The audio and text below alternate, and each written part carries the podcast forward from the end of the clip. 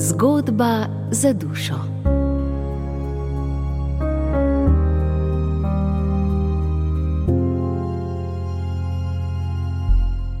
Spovedna molčečnost. Leta 1853 so nekega župnika v Ukrajini obtožili umora in obsodili na izgon v Sibirijo. Duhovnikovo puško, ki je bila uporabljena pri umoru, so našli skrito za glavnim oltarjem v župnijski cerkvi. Zagotavljam vam, da sem nedolžen, je dejal na sodišču. To je bila tudi vsa njegova obramba. Odpeljali so ga uklenjenega v verige, medtem ko so ga škof in župljani spremljali v nemem obupu. Čez 20 let je umiral organist tiste župnije. Iz mesta je dal poklicati sodniškega uradnika ter mu pred številnimi pričami priznal, da je on kriv umora, zaradi katerega je bil kaznovan duhovnik. Organist je ubil moža, da se je lahko poročil z njegovo vdovo. Skril je puško in tja napotil policijo. Da bi pomiril očitke vesti, je obiskal v zaporu župnika in se pri njem spovedal. Ni pa imel toliko poguma, da bi priznal svojo krivdo pred sodiščem.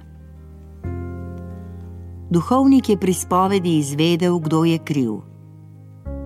Vendar je sprejel na sebe krivdo in kazen, ker je spovednik pod izredno strogimi kaznimi dolžan ohranjati popolno tajnost glede grehov, ki so se mu jih spokorniki spovedali.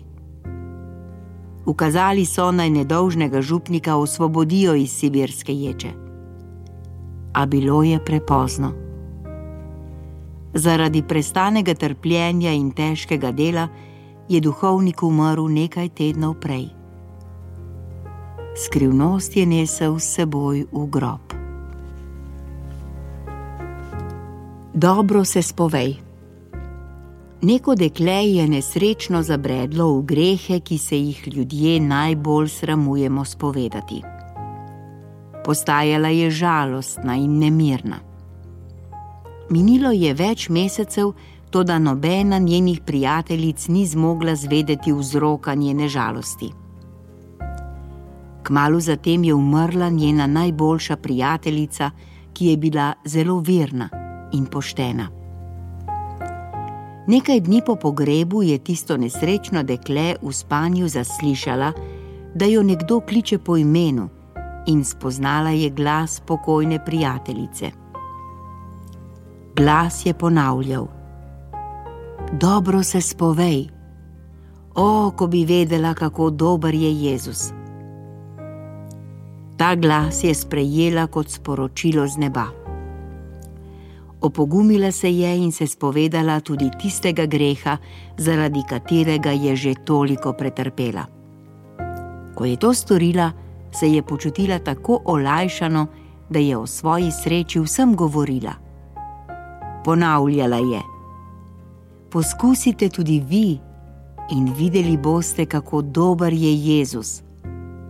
Poskusite in videli boste, kako dober je Jezus.